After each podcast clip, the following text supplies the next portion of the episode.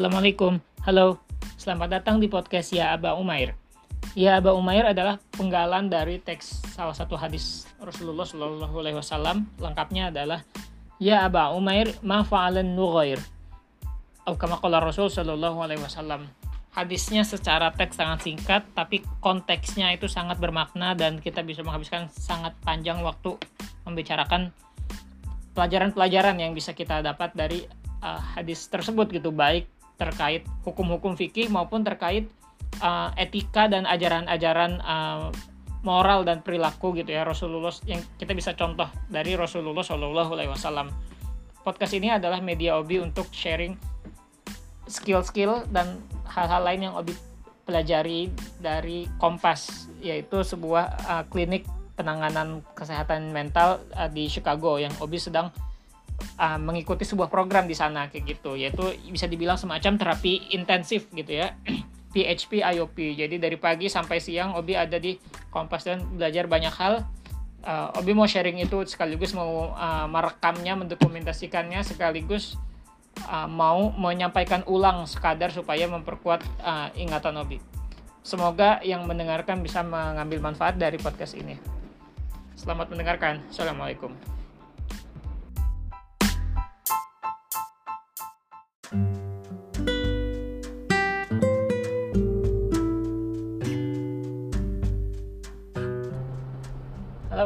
Ya ini tadi baru aja selesai ngomongin grounding. Langsung balik lagi karena grounding itu tadi PR dari tadi pagi gitu ya supaya ini aja supaya gak bingung nanti pas ngitung jadwal. Jadi walaupun tadi tadi pagi saya tinggal kerekam, ya udah lebih rekam tadi dipotong sedikit gitu.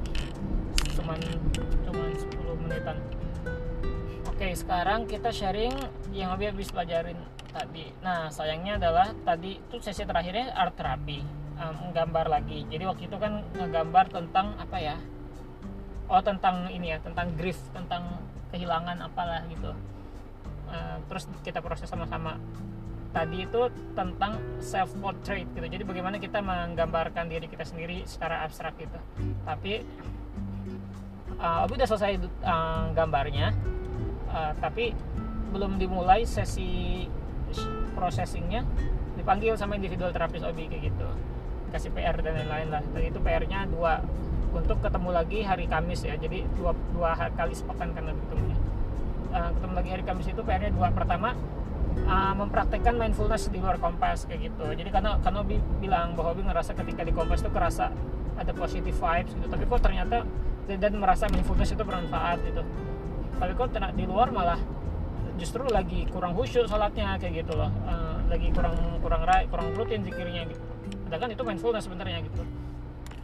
Jadi uh, satu uh, praktekin mindfulness di luar kompas ya baik itu sebagai bagian dari spiritualitas obi gitu ya sholat dan lain-lain ataupun ya mindfulness yang uh, kosong tanda kutip gitu istilahnya ya. Uh, guided guided meditation atau apalah mulai aja dulu 5 menit sehari lah seenggaknya gitu. Jadi insya Allah nanti uh, apa ya Obi akan coba apakah bisa bisa khusyuk fokus sholat dan zikir atau uh, ya either way kalaupun tetap bisa tetap mau coba yang mindfulness uh, yang di luar spiritualitas itu gitu. Pakai aplikasi di HP tadi ada saran aplikasi namanya Insight Timer kalau itu uh, PR pertama praktekin mindfulness. Kedua PR kedua adalah bikin uh, jadwal pekanan gitu atau jadwal harian namanya ya. Jadi ya intinya itulah apa supaya uh, keep track terkait sebenarnya waktu waktu itu habis buat apa aja gitu. Gitu dan dan juga ini untuk membuat merencanakan praktek ngepraktekin seats gitu seats itu apa? Seats itu uh, adalah apa ya kayak basic-basic uh, hal yang uh, me, istilahnya mencegah mencegah kerawanan kita terhadap uh, respon yang negatif terhadap emosi dan lain-lain kayak gitu. Jadi covering the basics lah gitu dasar-dasarnya. Uh, dasar kesehatan uh, mental gitu ya. S itu singkatan S-nya itu adalah sleep gitu. Jadi sleep sleep hygiene gitu kayak tidurnya mesti bagus tepat waktu uh, kayak gitu gitulah sleep terus uh, eh pertama adalah eating healthy gitu makan yang sehat gitu ya. Uh, makannya jangan jangan binge eating kayak gitu. Jangan makan terus-terusan nggak selesai atau jangan nggak makan-makan gitu. Jadi makannya rutin juga berapa kalinya tuh uh, disiplin kayak gitu dan yang dimakan yang sehat-sehat jangan junk food gitu. Itu eating healthily terus elahnya lagi lah exercise gitu. Yaitu uh, bergerak aktif gitu secara fisik gitu. Olahraga atau apa pun uh, kalau bisa palingan yang paling paling gampang adalah ini uh, jalan keluar sama Salman gitu. Jangan dorong Salman di stroller gitu. Terus D D nya adalah doctor's order gitu. Jadi uh, take care juga terkait kesehatan fisiknya kayak gitu. Jadi kalau ada uh, perintah apa atau saran apa dari dokter ikutin jalanin kayak gitu. Jadi misalnya nggak boleh misalnya orang diabetes gitu nggak boleh makan manis-manis ya udah ikutin kayak gitu. Karena kalau nggak diikutin ya uh, sakit fisik kita bisa berefek ke sakit mental kita kayak gitu. Dan juga uh, dengan tidak menuruti itu aja nanti kita bisa muncul uh, rasa bersalah, rasa gagal dan lain-lain kayak gitulah. Doctor Order nah S yang terakhir adalah itu istilah open ended tapi fokusnya adalah self care gitu self care uh, intinya sayangi dirimu sendiri kayak gitu. Nah itu bentuknya bisa macam-macam. Ada yang bentuknya sobriety gitu. Sobriety itu S itu punya semua tapi tetap uh, ini ya apa apa sih istilahnya uh, berhenti minum kayak gitu. Kalau orang kecanduan atau berhenti ngerokok atau apalah gitu. Jadi melepaskan diri dari kecanduan apa pun kayak gitu. Sobriety bisa bentuknya self compassion jadi kayak self compassion tuh kayak ya kayak sebagai sebenarnya turunan dari self care ya gitu. Jadi kayak uh, lebih spesifik dari konsep menyayangi diri sendiri gitu. Tapi self compassion deh lebih ke kayak apa ya uh, kayak kita ngasih hadiah gitu. Tapi ke diri kita sendiri kayak gitu. Misalnya misalnya uh, beli makanan yang kita suka gitu. Atau uh, mandi bubble bath gitu. Atau nonton film yang kita suka tapi yang bagus. Jadi selalu tetap yang arahnya positif. Jangan cuma ngikutin apa yang kita melakukan gitu uh, nah bisa juga S nya itu adalah spirituality kayak gitu. Uh, memperkuat spiritualitas kita gitu. Kemarin tapi sempat tanya ke uh, itu spirituality ini nggak sih uh, di kita bahas juga sih di kompas gitu kata dia sayangnya enggak gitu. Karena kompas tuh fokus ke uh, behavioral therapy kan terapi terapi perilaku yang itu biasanya dan fokusnya kompas kan itu kan mentransfer skill-skill kan gitu. Jadi sementara spiritualitas itu adalah uh, kerja jangka panjang gitu. Jadi kalau mau itu dikerjakan dengan terapis di luar kompas gitu kata dia. Gitu hmm. nah itu seats gitu. Jadi uh, bikin jadwal untuk kemudian masukin seats di sana gitu. Jadi uh, PR-nya ya dua itu praktekin mindfulness berarti kan sekarang hari Selasa ya. Berarti Selasa Rabu dan Kamis tuh. Jadi harusnya ada tiga kali atau dua kali lah kalau misalnya Kamisnya itu belum sempat pas pagi-paginya praktekin mindfulness uh, PR pertama itu PR kedua adalah bikin kayak jadwal pekanan gitu.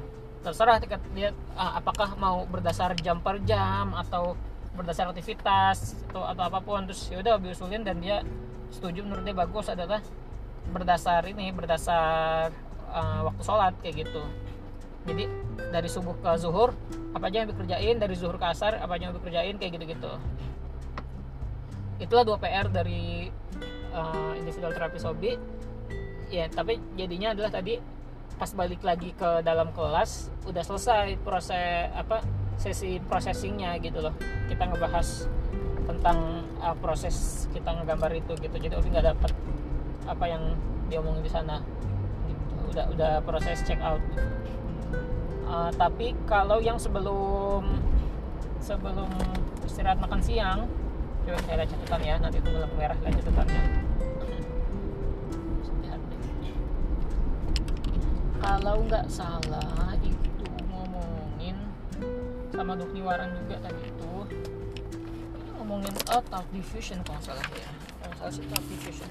Nah itu suatu topik yang bagus tuh bisa dan mau praktekin. Jadi thought diffusion ini jadi ada intinya bagaimana ini kan apa mengontrol pikiran-pikiran kita gitu. Nah ada dua dua teknik utama kayak gitu.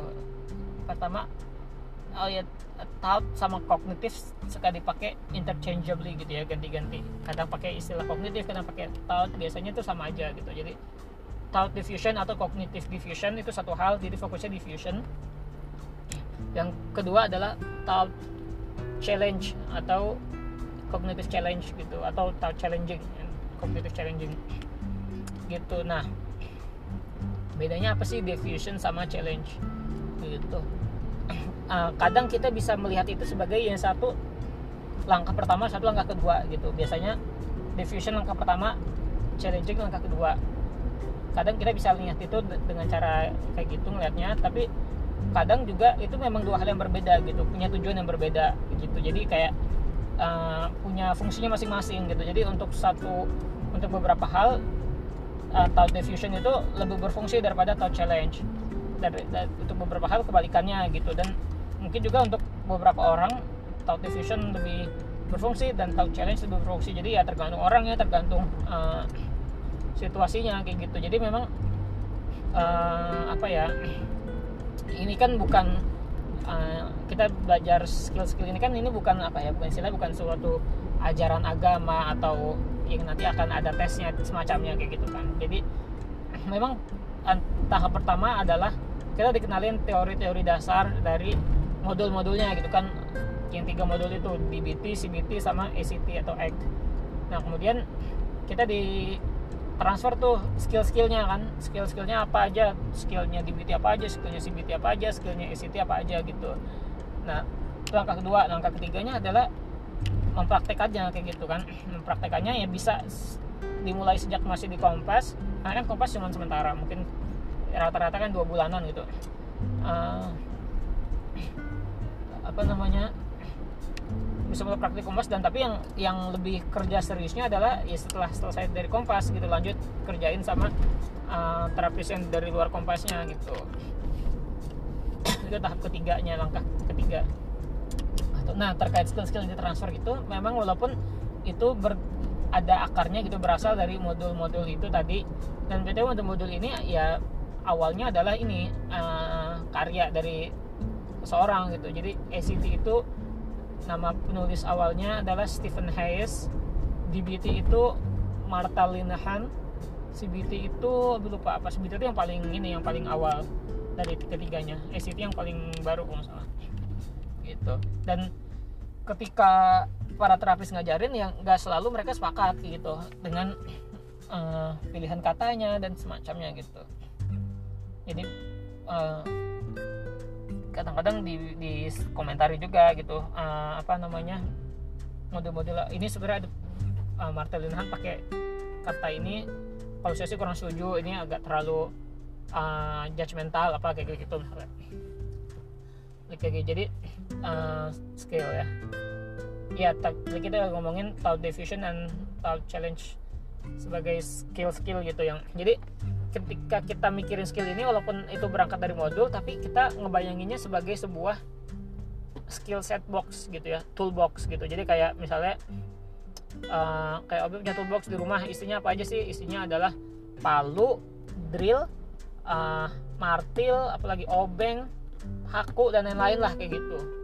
Nah itu kan sebenarnya kalau mau dikategorisasi benar-benar spesifik berdasar fungsinya atau berdasar apa namanya ya fungsi atau kegunaannya terus berdasar dari misalnya uh, elemen pembentuknya tuh apa sih? Apakah karet apakah besi apakah kuningan atau apa gitu itu kan bisa kayak gitu. Tapi ketika dalam toolbox itu kan sesuatu yang tujuannya adalah untuk jadi praktikal gitu loh. Uh, nggak logis juga kalau ditaruh misalnya oh palu itu uh, dari besi taruh barang semua barang dari besi terus ada apa lagi yang dari karet taruh dari karet semua apa dari plastik dari sama plastik semua gitu.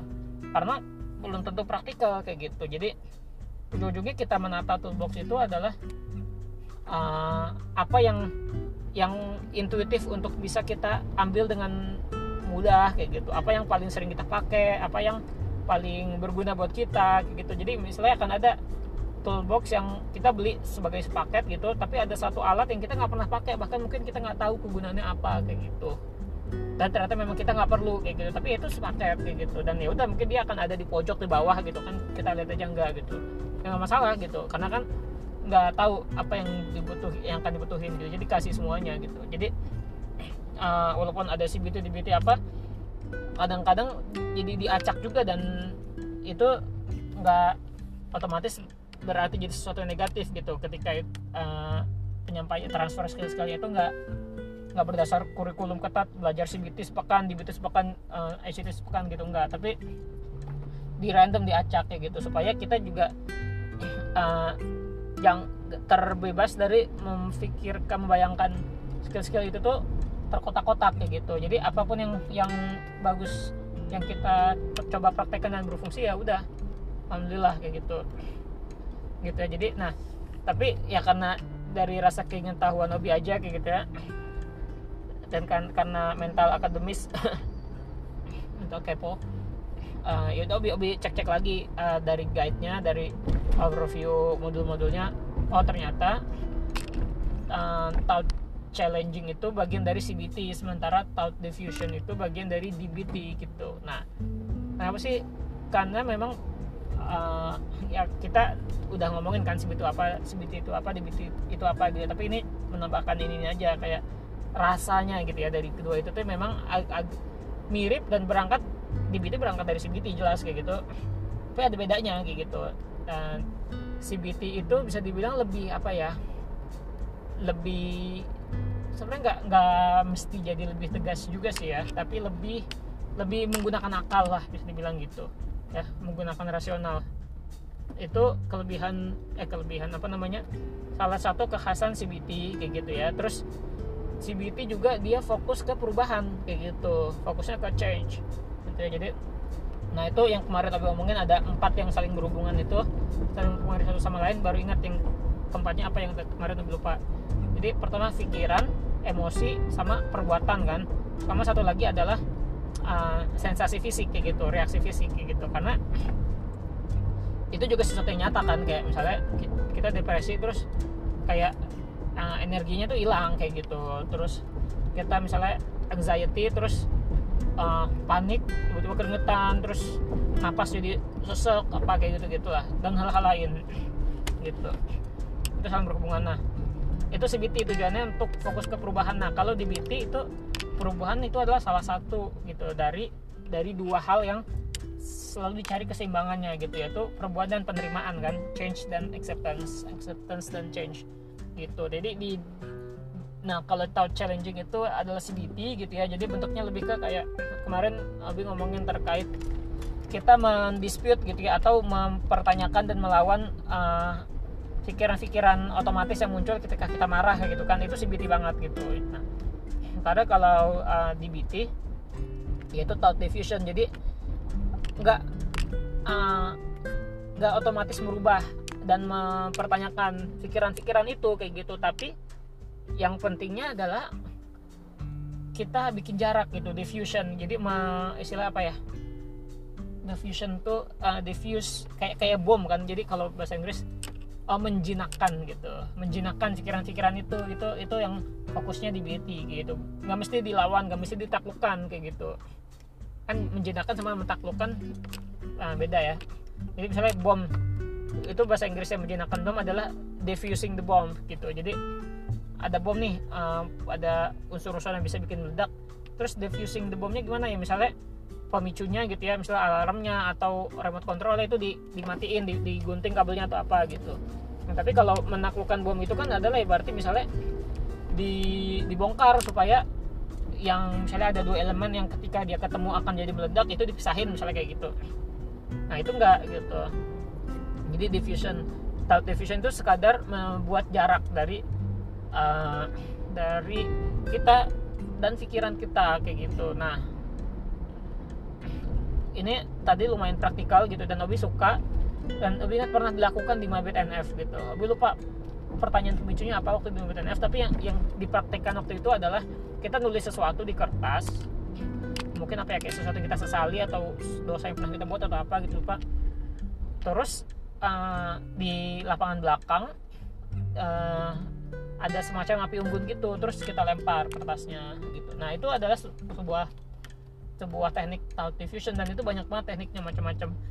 Dan nggak semuanya tuh uh, berfungsi bagi tiap orang kayak gitu. Kayak ada beberapa teknik yang itu nggak berfungsi buat hobi dan tadi di kelas juga kebanyakan nggak berfungsi gitu. Beberapa teknik itu misalnya ini apa kayak um, mengulang-ulang terus kayak gitu. Sampai sampai jadi kayak semacam mantra gitu ya. Pikiran yang ada gitu. Jadi misalnya misalnya ini ada kita punya pikiran negatif. Uh, pikiran negatifnya misalnya gini uh, aku akan selalu gagal gitu. Nah itu pikiran negatifnya. Terus teknik ini bilang uh, ucapkan itu terus berkali-kali gitu sampai sampai itu nggak bermakna lagi kayak gitu. Tapi bagi Obi dan bagi banyak orang di kelas tadi malah itu bukannya membuat jarak antara kita dan pikiran tersebut tapi malah seolah-olah itu menginter kita jadi menginternalisasi pikiran itu. Jadi malah jadi makin percaya gitu. Oke itu enggak it doesn't work gitu for, for us. Tapi ada hal-hal yang, yang yang bagus yang berfungsi definitely gitu dirasakan.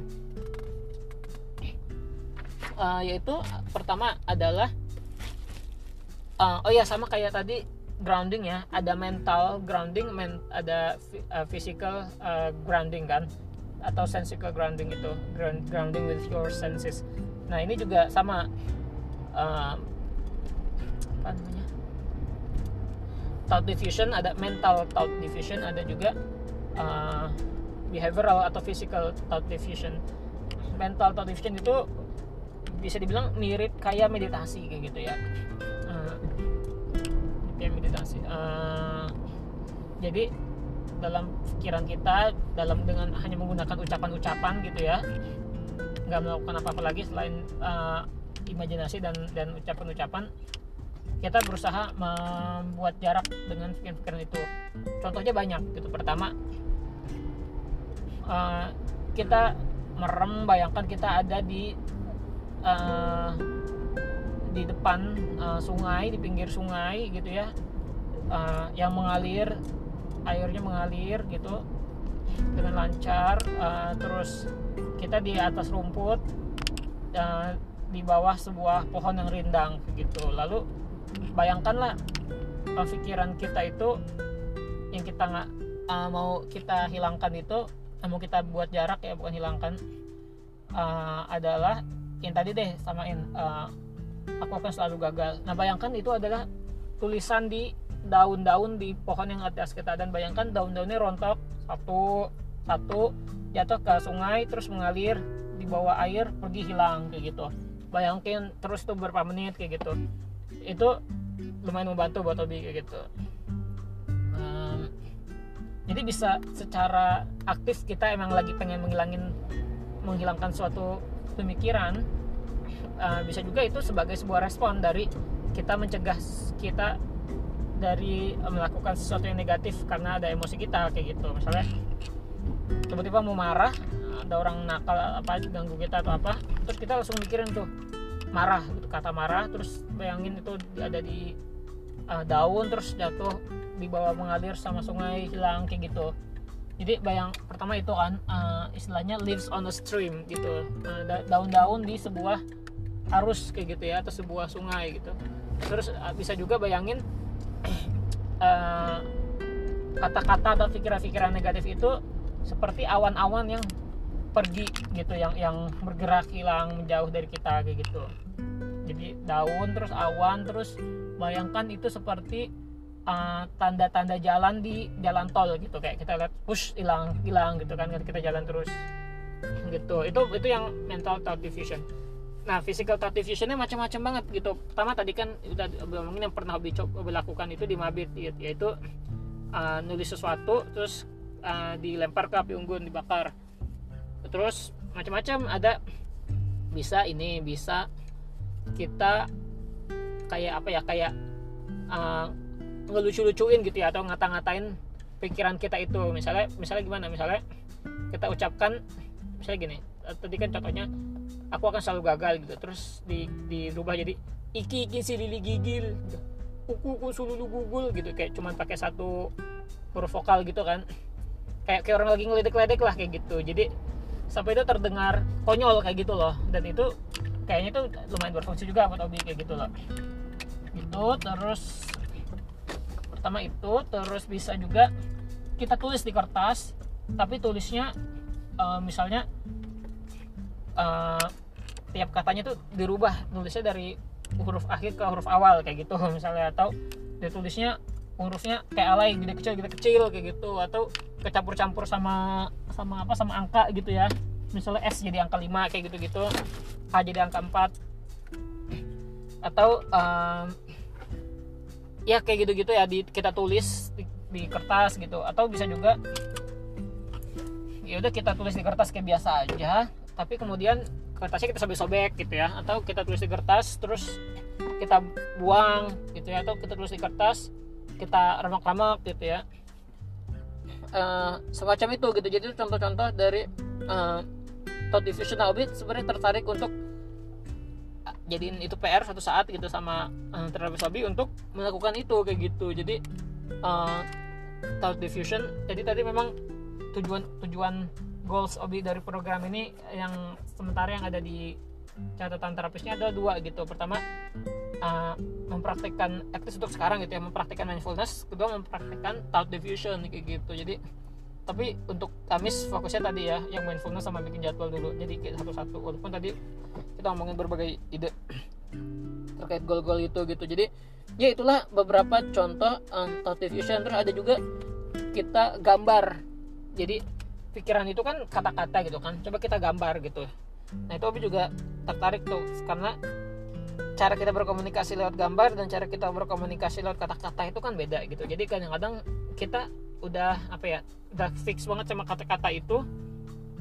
Uh, tapi kemudian kita ya, kita gambar oh ternyata ini loh yang saya maksud dengan kata-kata itu gitu loh. Karena kan ketika gambar ya udah berarti nggak bisa disampaikan dengan kata-kata gitu kan. Jadi harus sesuatu yang visual.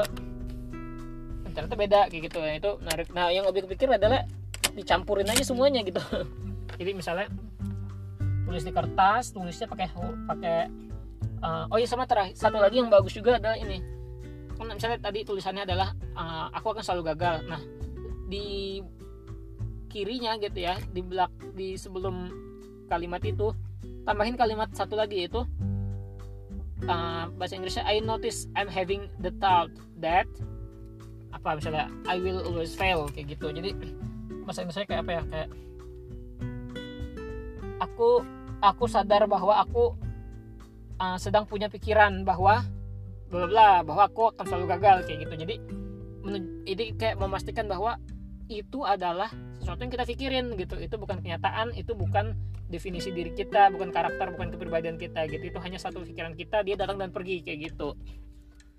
Gitu. Jadi ya aku pikir untuk di aja semua dari contoh-contoh itu gitu sebanyak banyaknya dan kemudian ngejadiin itu suatu rutinitas kayak gitu. Misalnya yang nggak tahu nanti diobrolin lagi detailnya sama sama terapis hobi apakah kayak tiap sebelum tidur atau apalah. Jadi untuk menghilangkan bukan menghilangkan sih sebenarnya ya. Jadi ini ternyata secara intuitif hobi masih kurang tepat memahaminya. Karena uh, pikiran-pikiran perasaan-perasaan itu real kayak gitu. Jadi dia harus kita akui bahwa dia ada kayak gitu. Jadi bukan untuk menghilangkan tapi kita buat jarak aman kayak gitu loh bahwa uh, itu ada pikiran-pikiran itu. Dia datang ke kita tapi dia akan pergi lagi kayak gitu. Jadi jangan sampai kita kejebak sama pikiran itu gitu. Pikirannya keicat sama kita. Jadi uh, bahwa akulah aku memang seperti itu orangnya. Jangan sampai ngomong kayak gitu gitu. Manusia selalu bisa uh, berubah gitu. Kalau istilah yang lagi mutakhir sekarang adalah uh, neuroplasticity gitu ya. Bahwa otak kita itu punya kapasitas untuk melupakan mengingat untuk membentuk untuk untuk berimajinasi untuk apa gitu yang dan bisa ini berubah gitu. Intinya otak kita itu seperti plastik yang bisa kita uh, bentuk-bentuk. Kita maunya gimana gitu. Tapi ya ada praktek ada tekniknya kayak gitu. Gitu um, ya itu sih terkait uh, thought diffusion exercises ya materi yang tadi siang habis pelajari. Mudah-mudahan bermanfaat. Assalamualaikum warahmatullahi wabarakatuh